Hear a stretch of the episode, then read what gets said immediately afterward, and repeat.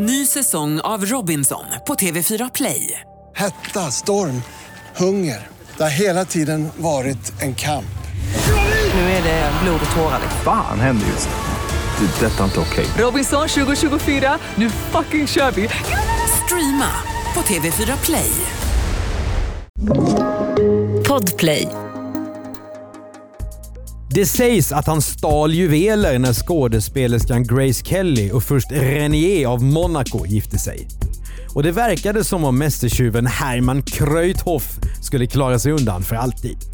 Men det var innan han åkte på stöldturné i Sverige och åkte fast tack vare några skolpojkar som grävde efter metmask. Välkommen till Misslyckade brott av Andreas Utterström och Mattias Bergman. Du hör ett nytt avsnitt av podden varje onsdag om du inte lyssnar på Podplay, för då kan du höra hela säsong 9 redan nu.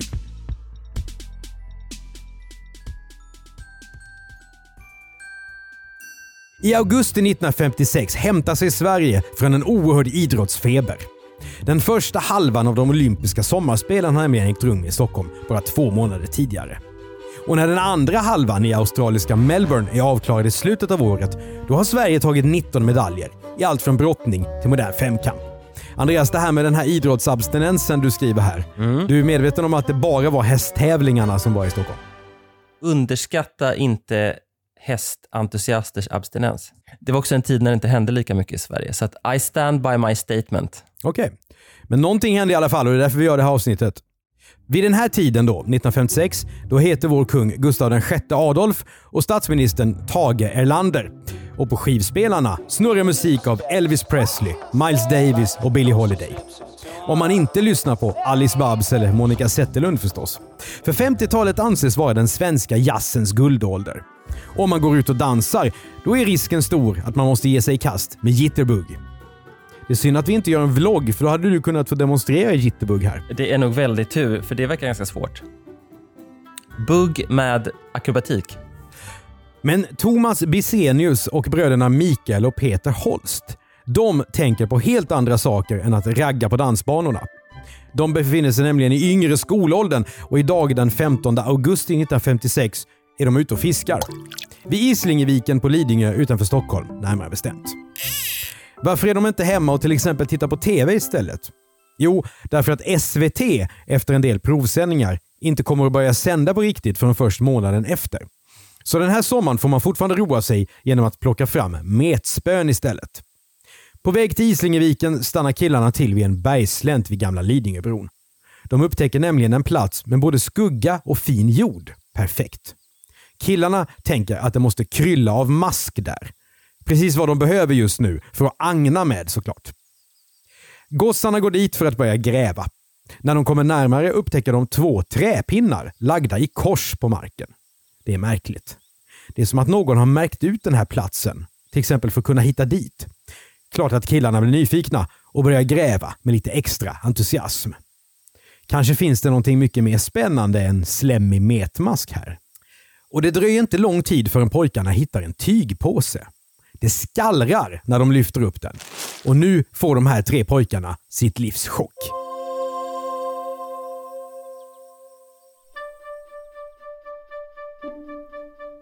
I en intervju i Norrtälje Tidning 2015, det är alltså 59 år senare, då berättar Thomas Bisenius. När vi fick upp påsen som var fylld med guldprylar förstod vi att det här måste vi ta hem och visa. Men ingen trodde på oss när vi sa att vi hade hittat en skatt. Det är bra det, fortsätt lek ni pojkar. Det var vad vi fick höra. Ja, så killarna går själva till den lokala polisstationen. De berättar om sitt fynd och tömmer ut påsens innehåll. Det handlar om 72 safirer, rubiner, smaragder och diamanter. Några av de här dyrgriparna känns också igen av polisen eftersom de tidigare anmält stulna. Nu blir det fart på kriminalarna.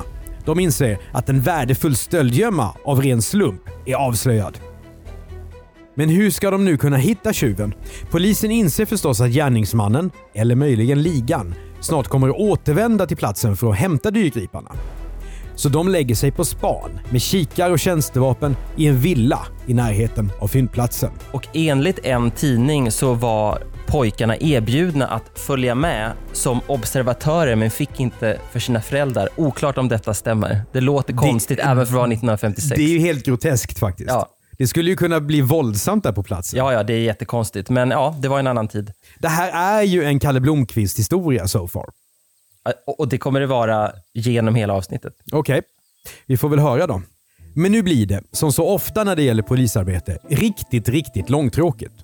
Spanarna sitter där i sovrummet i villan och väntar. Timmarna går, men förgäves. Första dygnet händer det ingenting.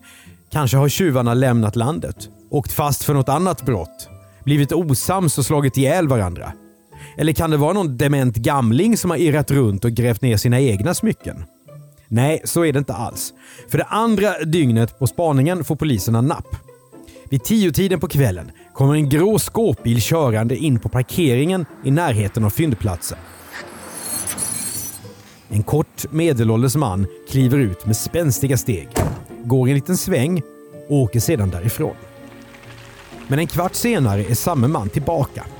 Spanarna ser hur han tar av sig kavajen, hänger in den i skåpbilen, hoppar över en stenmur och går fram till slänten. Han fortsätter till platsen där killarna har hittat stöldgodset och mannen börjar gräva i marken med händerna. Polisen slår till direkt. De rusar fram emot mannen. När tjuven förstår att han gått i en fälla försöker han fly. En av poliserna skjuter varningsskott. Mannen stannar då, ger upp och grips. När polisen söker igenom skåpbilen blir det fullträff av sällan skådat slag. De hittar en svart ansiktsmask, knogjärn, batong, ett tygfodral med tårgaspistol och ammunition, kniv, gevär, ficklampor och massor av verktyg som är typiska för just inbrottstjuvar. Men det som sticker ut mest är ett drygt fem meter långt klätterrep.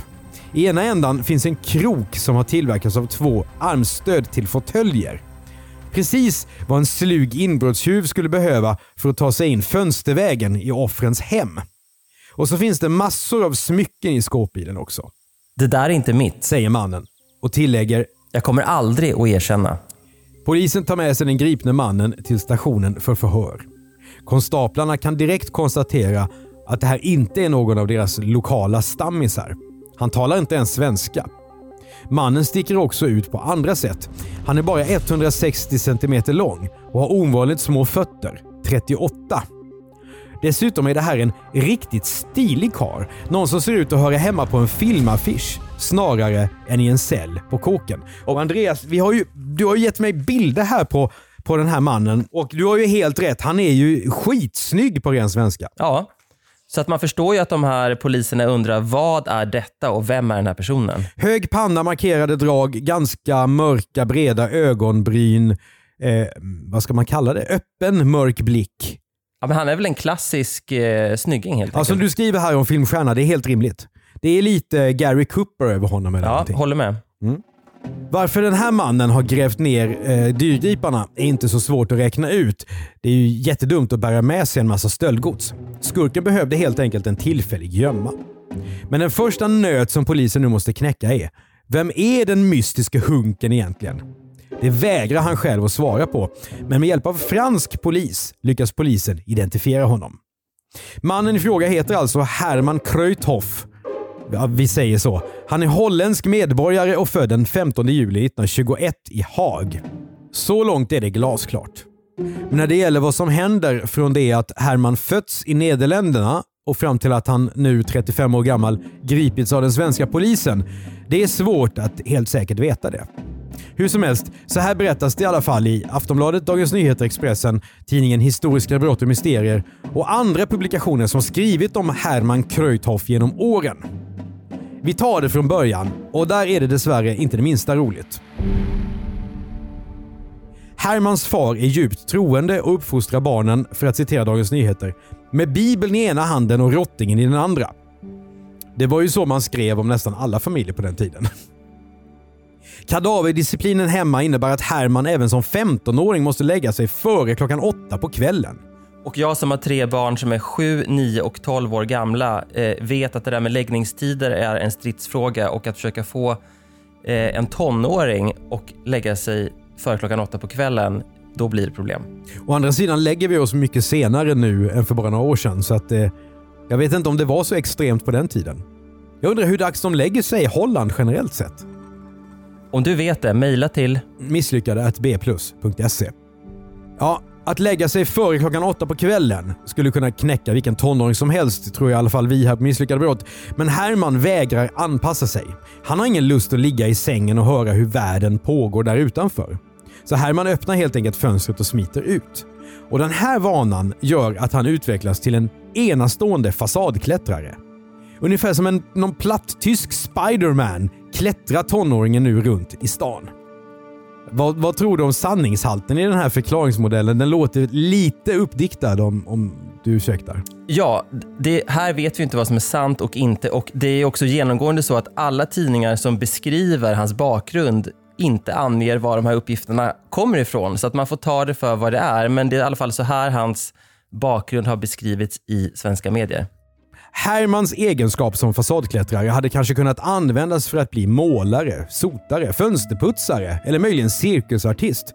Men Herman Kreutoff inser att förmågan att vertikalbestiga hus är ett alldeles utmärkt sätt att tjäna pengar. Så han tar det hela ett steg längre. Istället för att bara klättra på utsidan av husen börjar Herman också ta sig in och stjäl allt av värde han kommer över. Efter en lyckad kupp tar han de snodda pengarna och sticker till Paris. I Frankrike skaffar Herman ett falskt pass, ändrar sitt namn och åker till Monte Carlo för att spela på kasino. Ja, det är lätt att tänka sig den här ganska svarta uppväxten som sen får sitt utlopp i ren kriminalitet. Ja, det här tycker jag däremot har, som domstolarna brukar säga, sannolikhetens prägel. Att man med den här elaka, eh, strikta pappan eh, vill göra raka motsatsen. Dra till syndens näste, ett kasino i Monte Carlo. Det känns psykologiskt helt rimligt. Och nu leker livet för Herman, men inte länge till. Snart åker han fast. Men det är inte polisen som hittar honom, utan någon som letat efter honom ännu mer ihärdigt. Nämligen den stränge fadern. Pappa tar med sig Herman tillbaka hem till Nederländerna och ser till att sonen får vad han förtjänar. Och den här gången blir straffet inte en omgång med rottingen, utan ett års fängelse. Han blir alltså angiven av sin egen pappa. Ja, det är fint. Mm, vackert. Under det andra världskriget skickas Hermann Kreutoff av de tyska ockupationsmakterna till tyska Leipzig för tvångsarbete. Men han lyckas då fly till Frankrike och bli partisan i frihetsrörelsen och kämpar mot nazisterna. Vilket en, liv han lever, Andreas! Enligt legenden, ska vi säga. Det är otroligt levnadsöde det här, faktiskt. Våren 1945 slutar äntligen kriget och frågan är, vad ska Herman göra nu? Ny säsong av Robinson på TV4 Play. Hetta, storm, hunger. Det har hela tiden varit en kamp. Nu är det blod och tårar. Fan händer just det. det detta är inte okej. Okay. Robinson 2024, nu fucking kör vi. Streama på TV4 Play. Aj, aj, aj, det kluckar i rören. Men det är väl inget att bry sig om? Jo, då är det dags för de gröna bilarna. Spolarna behöver göra sitt jobb. Spolarna är lösningen. Ah, hör du? Nej, just det. Det har slutat. Sälja bilen? För dåligt betalt av din traditionella bilhandlare? Växjö Bilförmedling hjälper dig. Vi börjar med en kostnadsfri värdering Tänk vad skönt att slippa tvättning, fotografering och ta hand om alla tänkbara och otänkbara köpare. Se vår instruktionsfilm på Facebook om hur det fungerar och anlita oss. Växjö Bilförmedling.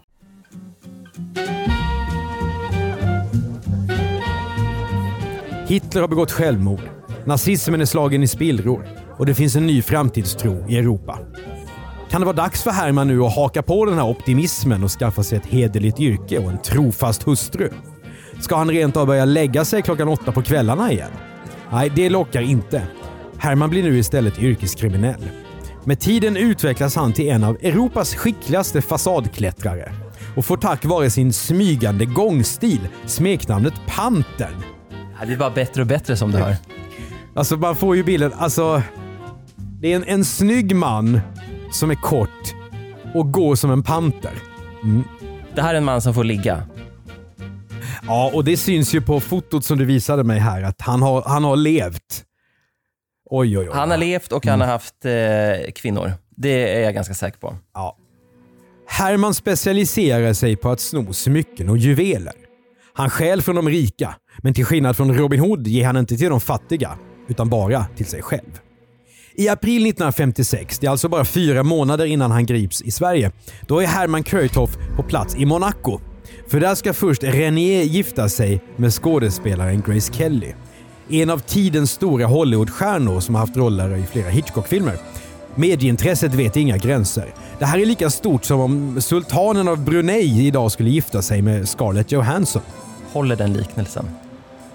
Ja! Ja, bra. Oh, ja, oh ja. Men varför är Herman nu i Monaco i samband med det här bröllopet? Han står ju inte på gästlistan direkt. Nej, han är på plats för alla celebra gästers skull. Det är en gyllene chans när så många rika människor med sina finaste smycken i bagaget är på ett och samma ställe vid samma tillfälle. Herman bestämmer sig för att slå till. Detaljerna och omfattningen av hans härjningar i Monaco är oklara, men på något sätt lyckas han stjäla mängder av smycken. Enligt uppgift både från brudparet och deras gäster. Och sedan fortsätter han av bara farten till franska rivieran och snor allt han kommer över. Herman är som ett skenande tåg. Fasader är till för att klättras på. Smycken ska till varje pris stjälas. Vad som driver honom är en gåta. Kanske är det spänningen, kanske jakten på pengar. Eller så är han helt enkelt kleptoman. Man får ju bilden av att han är nästan manisk här, Andreas. Ja, eh, och eh, säkert går igång på att han kan göra de här eh, kupperna på ett sätt som få andra kan, misstänker jag. Ja men säkert. Och om han redan nu kallas för panten, då är han ju också berömd gissar jag, i spalterna. Ja, och han känns också som en person som sparar tidningsklipp om sina egna kupper. Det är verkligen den typen. Och jag tänker också att jakten på pengarna, visst, men att sälja sådana här juveler, det kan ju inte ha varit lätt redan på den tiden. Det är därför det är lite märkligt att han begår de här stölderna, men, men som sagt, det är, det är det här som han kan. När polisen i södra Europa förstår att det är pantern som ligger bakom stölderna börjar en intensiv jakt efter Herman. Men vid det här laget har han då redan åkt fast. Gripen efter att den rådiga svenska polisen har gillrat den där fällan på Lidingö. Och inte minst tack vare de tre pojkarna med metmasken då. Så nu är vi tillbaka i Stockholm i augusti 1956. Herman Kreutoff är gripen och häktad. Och journalisterna älskar såklart den här storyn.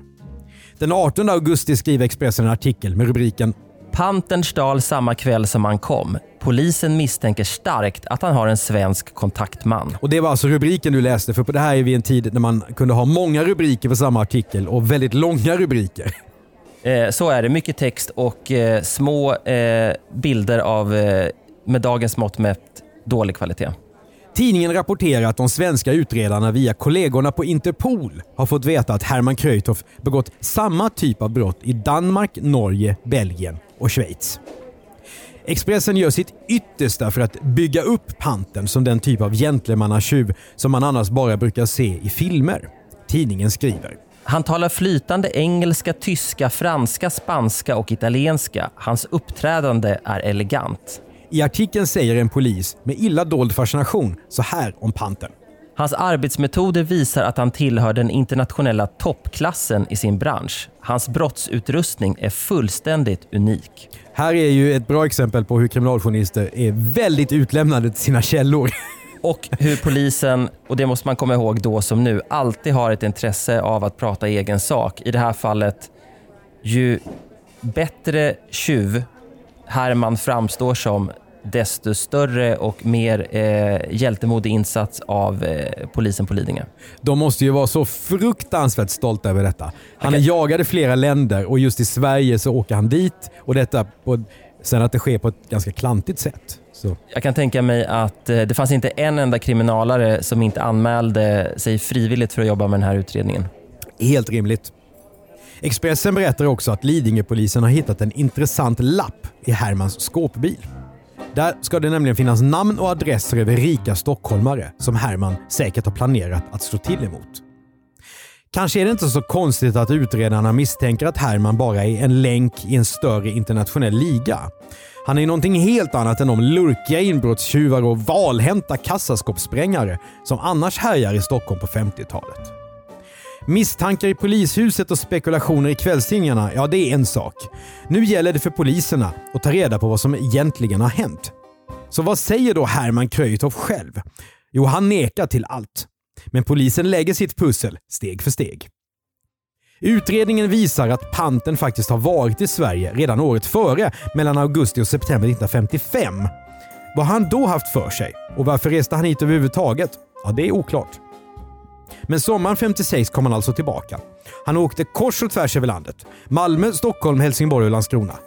Ibland i sällskap med danskan Grete, andra gånger ensam. Och Grete, eh, hon försvinner här ur handlingen, men där får man ju liksom en lätt, eh, jag vet inte, Bonnie and Clyde-vibb. Hennes roll i det här är ytterst oklar, men, men eh, det känns ju med tanke på vad vi sa innan logiskt att det här är en person som, som omger sig med en kvinna eller kvinnor eh, för att han då är en sån hunk. Ja, mindre logik är det dock i själva resrutten. Men på ett sätt har Herman alltid varit ytterst konsekvent. Han har fortsatt att göra inbrott och stjäla.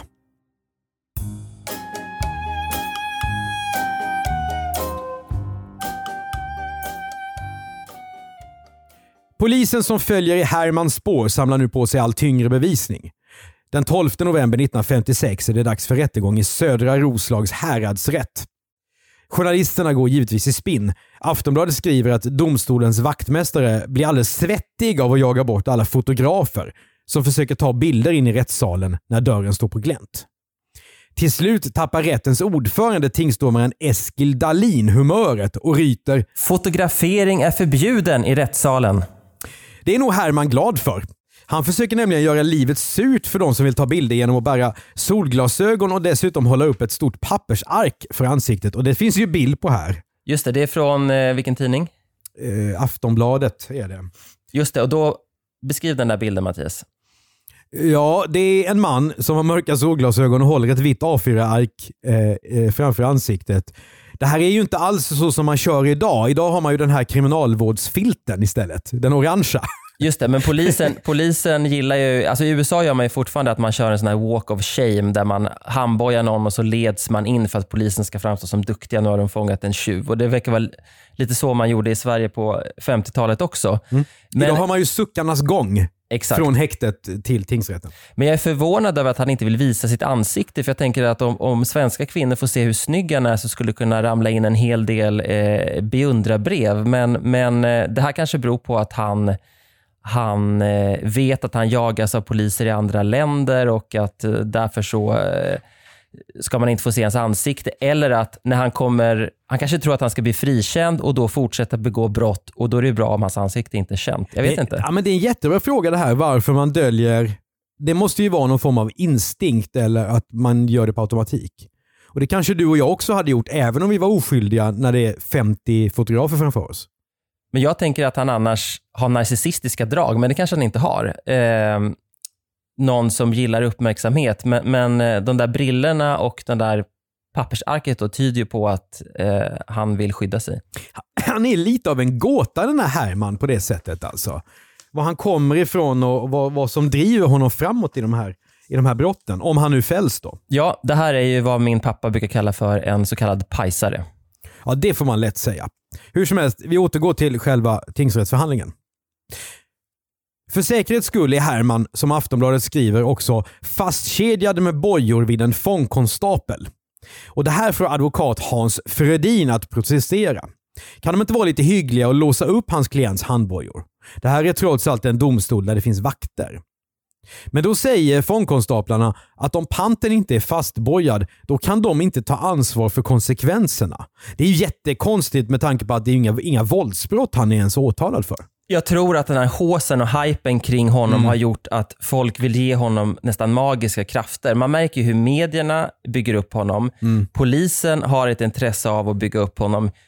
Även om han själv inte säger någonting så beskrivs det som att han är väldigt charmig och ger ett intryck av att vara den här internationella eh, gentlemannatjuven i en tid när det var ovanligt att man reste utomlands. Och om han pratar hälften av alla de här språken som kvällstidningarna påstår, då är han ju en slags globetrotter av en kaliber som, som eh, som känns eh, som något helt annat än vad folk är vana vid och då tror jag att man överskattar hans förmåga helt enkelt. Ja, det här är ju en tid där svenskar inte reser utomlands och allting utrikiskt är ju exotiskt. Ja, och mystiskt. Mystiskt exotiskt och man vet ju inte riktigt hurdana de är de där. Liksom. Domaren bestämmer därför att den tilltalade Kröjtoff under förhandlingen ska vara fastbojad vid sin stol och så blir det. Men vad är det då för brott som Herman står anklagad för att ha begått här i Sverige? Jo, det gäller tio fall av grova stölder hemma hos folk i deras lägenheter och villor under juli och augusti 1956. Det mest slående här är vilket högt tempo Pantern har haft. Han har begått sitt första brott bara några timmar efter att han kommit till Sverige. Inom loppet av bara tre veckor, då han klarat av alla de tio stölder i Helsingborg och Stockholmstrakten som han nu åtalas för. Och brottsoffren, de har ett gemensamt. Alla har det gott ställt. Där har vi då ett före detta hovrättsråd, en skeppsredare, en direktör, en kommendörkapten. Ja, så fortsätter listan. Och de blir då av med allt ifrån en silverportmonnä till manschettknappar i guld. Inte ens den engelske ambassadören Sir Robert Hankey går säker. Vadå, är det här någon person du kände till sedan tidigare? Jag tycker bara det är roligt att, att en, en ambassadör som borde vara omgiven av ganska eh, stor säkerhet med tanke på sitt jobb, han blir också bestulen. Verkligen. Ja, hos Hankey då, ambassadören stjäl pantern ädelstenar och en kikare. Men det är framförallt ett brottsoffer som sticker ut i mängden och det är greve Karl Johan Bernadotte av Visborg. Alltså ingen mindre än vår nuvarande kungs farbror. Greve Bernadotte åker på en riktig näsbränna i sin sommarvilla i Saltsjöbaden. Borta är halsband, briljanter och ett par öronklips i guld. Och det är då ingenting som Karl Johan brukade gå runt med kan vi säga, utan hans hustru Kerstin. Detta är fruns, precis. Ja. Men här är Herman Kröjtoff faktiskt nära att bli tagen på bar gärning när han eh, kommer mitt i grevens nattliga inspektionsrond.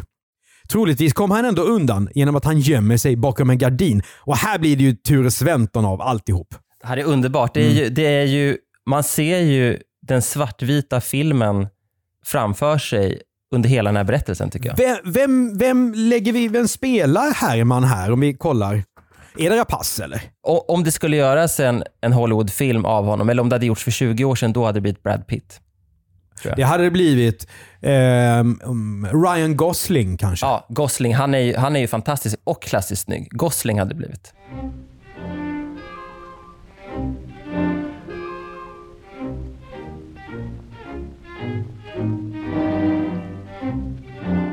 Men nu ska vi tillbaka till Saltsjöbaden där Herman har gömt sig bakom en gardina. Greve Bernadotte här är runt på sin inspektionsrond. Kanske är det stresspåslaget som gör att Herman missar de riktiga dyrgriparna hemma hos greve Karl Johan. De Bernadottska släktjuvelerna. Och det armband då som grevinnan Kerstin har fått av exdrottning Nariman av Egypten. Ja. Så det, det här är panassen. Ja, och här måste ju svida eh, för Herman att det här fanns alltså inom räckhåll, men han hade inte riktigt koll och sen så är han nära att åka fast, får gömma sig bakom en gardin och dra utan att ha kommit över det mest värdefulla i hushållet. Ja, det är fantastiskt. Men jag är lite imponerad av hans eh, research ändå, därför att okej, okay, Sverige är ju inte stort och Stockholm är inte stort, men han lyckas ju pinpointa väldigt bra offer om man säger så. Och Det är nog därför polisen misstänker att han har haft en eh, medgärningsman som har hjälpt honom att plocka ut de här offren. Men kanske är det inte svårare än så att han tittar i telefonkatalogen och väljer offer utifrån titlar som jag tror stod utskrivna då. Inte alls orimligt. Och under sin tid i Sverige lyckas Herman Kröjtoff stjäla smycken och annat för vad som i dagens penningvärde motsvarar 3,6 miljoner kronor. Och Detta är alltså på tre veckor. Ja, han eh, ligger inte på latsidan och då ska man också komma ihåg att det här är också vad polisen kan binda honom till. Så det är inte osannolikt att han har begått många fler brott, men att han då kanske har sålt juvelerna eller gett bort dem till någon kvinna eller whatever. En stor del av stöldgodset hittas i hans skåpbil och i den nedgrävda gömman. Men inte allt. En del har han förmodligen redan sålt. Men hur har då Herman lyckats med allt det här? Jo, panten då har bland annat använt sitt rep med den hemsnickrade kroken av fåtöljarmstöd som vi nämnde i början av avsnittet för att ta sig in hemma hos brottsoffren. Så här beskriver tidningen Aftonbladet en av stölderna. Han hade tagit sig över en mur, klättrat upp i ett plommonträd, svingat sig som Tarzan till en spaljer och därifrån klättrat in på balkongen. Ibland är husen och lägenheterna tomma, ibland är de boende hemma. Vid åtminstone ett tillfälle smyger Herman förbi sovande småbarn utan att de vaknar. Eftersom Kröjtoff är snabb som en panter är det bara ett av brottsoffren som får ens en skymt av honom. Fru Elsa Persson i Helsingborg. Hon är på besök hos sin mamma när hon plötsligt ser juveltjuven rota runt i sovrummet. Fru Persson blir rädd, men finner sig snabbt och låser in Herman. Men han lyckas fly ut genom fönstret innan polisen är på plats. Fru Persson blir ändå en viktig del av utredningen. För det signalement hon kan lämna stämmer perfekt överens med hur Herman ser ut. Ja, det är lätt att förstå att fru Persson kommer ihåg Hermans mycket fördelaktiga yttre. Hon kanske undrade vad gör den här snygga mannen i min mammas sovrum? Har han skaffat en, en ung snygg pojkvän men varför rotar han bland mammas smycken? Kan det vara så att hon låser in honom för att eh, hon verkligen vill att han ska stanna kvar? Så kan det också vara men tydligen var hon inte Hermans typ. Trots utpekandet och all annan bevisning så verkar Herman Kreuthoff inte vara särskilt plågad av att vara ställd inför rätta. Aftonbladet beskriver det hela så här. Kreutoff verkade mycket pigg och oberörd. Det var liksom under häktningsförhandlingen en märklig atmosfär i rättssalen. Då ägnade sig Kreuthoff åt rökning. Den här gången skrattade han och pratade pikt med tolken och verkade fullkomligt oberörd. I övrigt säger Herman inte särskilt mycket. För trots övertygande bevisning i form av allt från upphittat stöldgods till fotspår nekar han i sten till det han åtalats för. Juveltjuven säger visserligen att han är med på ett hörn i ett större sammanhang, men bara som smugglare. Stölderna är någon annan skyldig till. Sen gör panten som så många andra av våra misslyckade brottslingar. Han skyller på någon annan. Nämligen Marcel från Pyrenéerna, en kortväxt och mörk fransman som Herman ska ha bilat tillsammans med och sedan lånat ut skåpbilen till. Och att han säger att han är kort till växten, det är inte så konstigt eftersom Herman själv är då 160 cm. Det finns ett vittne. Eh, då ligger det nära till hands att Herman tänker att jag ska hitta på en medbrottsling som har vissa då drag som påminner om mina så att min advokat kan fråga, kan det inte vara så att eh, du såg Marcel där i mammas sovrum istället för Herman? Det, så tror jag att han tänker. Polisen hittar visserligen en person i Sverige som heter Marcel. Men det visar sig vara en, en svensk frikyrkopastor som inte har det minsta med de här brotten att göra. Så under rättegången frågar domare Dahlin strängt om den här Marcel verkligen existerar. Jo då, det gör han, hävdar Herman. Men det är ingen som tror honom. Och det märks inte minst i domen som meddelas den 20 november 1956. Det har icke i målet framkommit ens en tillstymmelse till bevis för att någon person som kan vara identisk med Marcel förövat förevarande stölder och därefter begagnat sig av Kreutzow såsom hälare. Straffet då? Jo, det blir fyra års straffarbete och utvisning. Av någon anledning överklagar inte Herman. Kanske tänker han att det här kommer att lösa sig ändå. Han kanske kan rymma. Vilket han faktiskt också lyckas med två år senare. Hösten 1958 försvinner Herman Kreutoff från centralfängelset i Malmö. Givetvis på sedvanligt spektakulärt vis. Och det som kommer nu tycker jag nästan är ännu mer spännande än de här brotten han hittills har begått.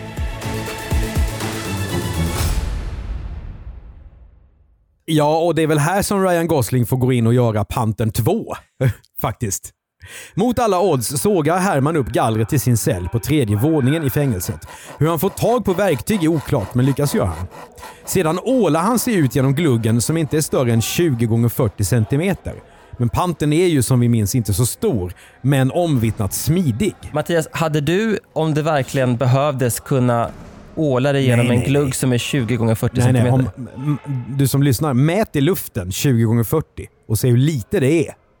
Det här är ju värre än när Ursut smet med smör. Exakt, det var ju en känd, eh, han var bankrånare va? Ja, som var han var hemsk. Som eh, och var liksom legendarisk för sina rymningar och lyckades ta sig ut, det var från Kumlafängelset tror jag, genom att han, han smetade in sig med smör så att, så att, för att minska friktionen och så tog han sig ut genom en väldigt liten öppning. Jag, jag tänkte också på den parallellen när jag läste det här. Ja, Väl igenom den här gluggen så måste Herman nu ta sig ner till marken också. Dit är det dessvärre 10 meter och det är alldeles för högt för att hoppa. Men det hindrar nu inte panten. För på något sätt har han kommit över ett rep och använder det för att fira sig ner. Till en början går allting enligt plan, men med några meter kvar till marken brister repet. Herman faller handlös och skadar höger fot när han landar på fängelsegården. Men rymlingen har mot alla odds lyckats och det har bara tagit 10 minuter. Nu är mästertjuven ute i friheten. Panten hoppar över en mur och lämnar fängelseområdet. Men så blir det problem igen. Den skadade foten plågar Herman. Pantens smidighet är nu som bortblåst. Herman tar en taxi till Allmänna sjukhuset i Malmö. Där har man ingen aning om att patienten är en fånge på rymmen. De kläder som straffarbetaren Herman har på sig, de sticker inte ut. Sköterskan tycker han ser ut som vilken knegare som helst. Herman uppger också ett vanligt svenskt namn och vid det här laget har han lärt sig svenska. Därför behandlas han som vilken patient som helst. Foten röntgas och gipsas. Sen är Herman Kreutoff redo att lämna sjukhuset. En sjuksyster hjälper honom att ringa efter en taxi. Planen är att ta sig till Danmark. Där ska Herman gå till den holländska ambassaden, säga att han blivit rånad eller på annat sätt blivit av med pengar och få hjälp med reskassan så han kan åka hem till Nederländerna. Men här kanske vi måste stanna upp och fundera lite över hur smarta de skånska poliserna är. De, vet, de kan ju se, för repet hänger ju kvar, hur han har tagit sig ner. Mm. De borde ju antingen ha sett eller kunna räkna ut att han kan vara skadad. Och Det tar ändå lite tid att, att runka och gipsa på sjukhuset. Så ett av de första ställena man borde kolla är ju sjukhuset. Men det är klart, då kanske de går dit och så säger de i receptionen, det finns ingen här med det namnet. Men de borde ju fråga, har någon kommit hit med en skadad fot? Det, det är helt Ja. obegripligt det här. Framförallt har ju polisen, har ju, det är visserligen 50-tal, men de har ju foton på karln. Så att, eh, och dessutom, eh, han ska ju ringa efter taxi. Taxibolaget måste ju polisen ha ringt till redan då. Ja, men han borde åka fast redan på sjukhuset tycker jag. Men det gör han då inte för att han får foten nipsad, eh, säkert flörta med sjuksköterskorna och sen är det då dags att ta nästa steg. Hur fick han tag på repet Andreas? Ja, förmodligen är det så tror jag att han har ägnat sig åt någon form av arbete då, för han är ju dömd till straffarbete där det finns en del saker, kanske inom verkstad eller något annat, så att han i smyg har kunnat tillverka det här. För att annars är ju rep någonting som man inte riktigt eh, borde ha tillgång till eh, när man är en mästerrymmare och sitter på tredje våningen. Nej, den här gamla bilden som man har liksom av att man firar ut sig med hopbundna lakan, den kommer liksom lite till pass här. Kan också vara så att någon har blivit mutad eller charmad. Verkligen. Hur som helst. Samtidigt som Herman har blivit röntgad och gipsad så jagas han av polisen i hela Malmö. Och de tre Lidingö-killarna som två år tidigare hittade Hermans gömma, de lever nu i skräck. De är livrädda för att panten ska söka upp dem och hämnas. Inte blir det bättre av att deras kompisar skrämmer upp dem med fasansfulla historier om vad den blodtörstige juveltjuven ska komma upp och göra med dem. Men polisen försäkrar killarna och deras föräldrar om att panten inte alls är någon våldsam person. Och de här grabbarna behöver inte oroa sig så länge. För redan dagen efter rymningen, klockan 8.25 på morgonen, försöker Herman Kreutoff hoppa på en båt från Malmö till Köpenhamn. Vid kajen blir han igenkänd av poliser som spanar efter honom. Det var ju rådigt ändå att de stod där. Ja, någonting re- rätt gjorde de. Ja. Herman grips och körs tillbaka till fängelset. Och nu är det slutrymt. Herman Kreutoff blir kvar innanför murarna. Han slår ihjäl tid genom att skriva en bok där han bland annat hävdar att han kommit till Sverige för att tjäna pengar på hederligt sätt. Det här är intressant för att det kan man lätt tänka sig att det är idag som folk får skriva böcker och berätta sitt livs historia oavsett om de är eh, kriminella eller inte. Men det var inget nytt alltså.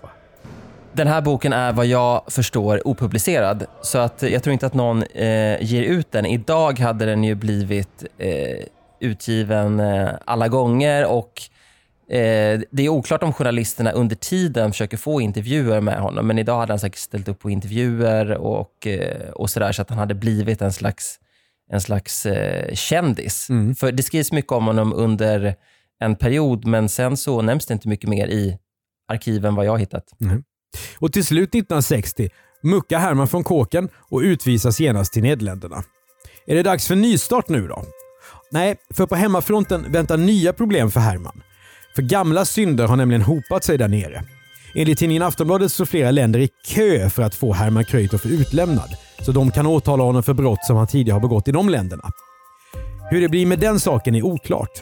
I och med att panten lämnar Sverige, då upphör också spåren efter honom. Det är klassiskt. Då är ingen svensk reporter intresserad av karln överhuvudtaget. Nej, och jag har googlat runt och kollat liksom i, i eh, internationella tidningars arkiv för att se om det finns något skrivet om honom i samband med de här stölderna från Grace Kelly och annat. Men det finns liksom det finns ing, jag har inte hittat någonting. Så, så vad han gör sen, det är eh, oklart. Det kan ju ha varit så att han satt ett antal år i något annat land och sen kunde skapa sig en ny eh, framtid. Så kan det vara och det jag tror talar emot honom det är ju att den här smidigheten och det här klättrandet blir bara svårare och svårare med, år, med åren. Så även om han nu är smidig och har sina hemsnickrade eh, klätterrep och sånt där, hur ska han kunna utföra de här kupperna i 50-årsåldern? Det verkar väldigt, väldigt svårt. It's a young man's game. Så är det i, i juveltjuv-sammanhang i alla fall. Ja. Med största sannolikhet är ju Herman Kreutoff död idag. Men om han lever så eh, är han i år, 2021, 100 år gammal. Och då finns det bara en sak för oss att säga. Gratulerar!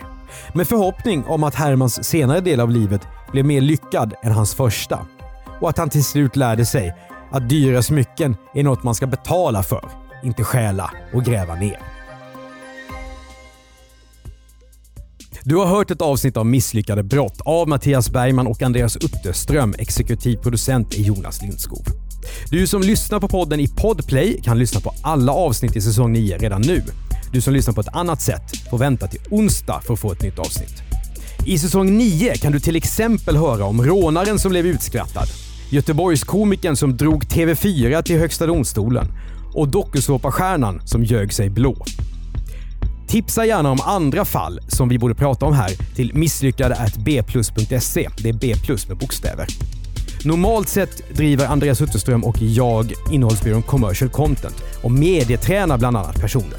Kolla på Medieträning 2.0 så får du se. För Podplay så gör vi även poddarna Jag var där, Misslyckade affärer och Misslyckade makthavare. Prenumerera gärna på podden i din poddspelare och betygsätt den så är det fler som hittar till den. Vi hörs!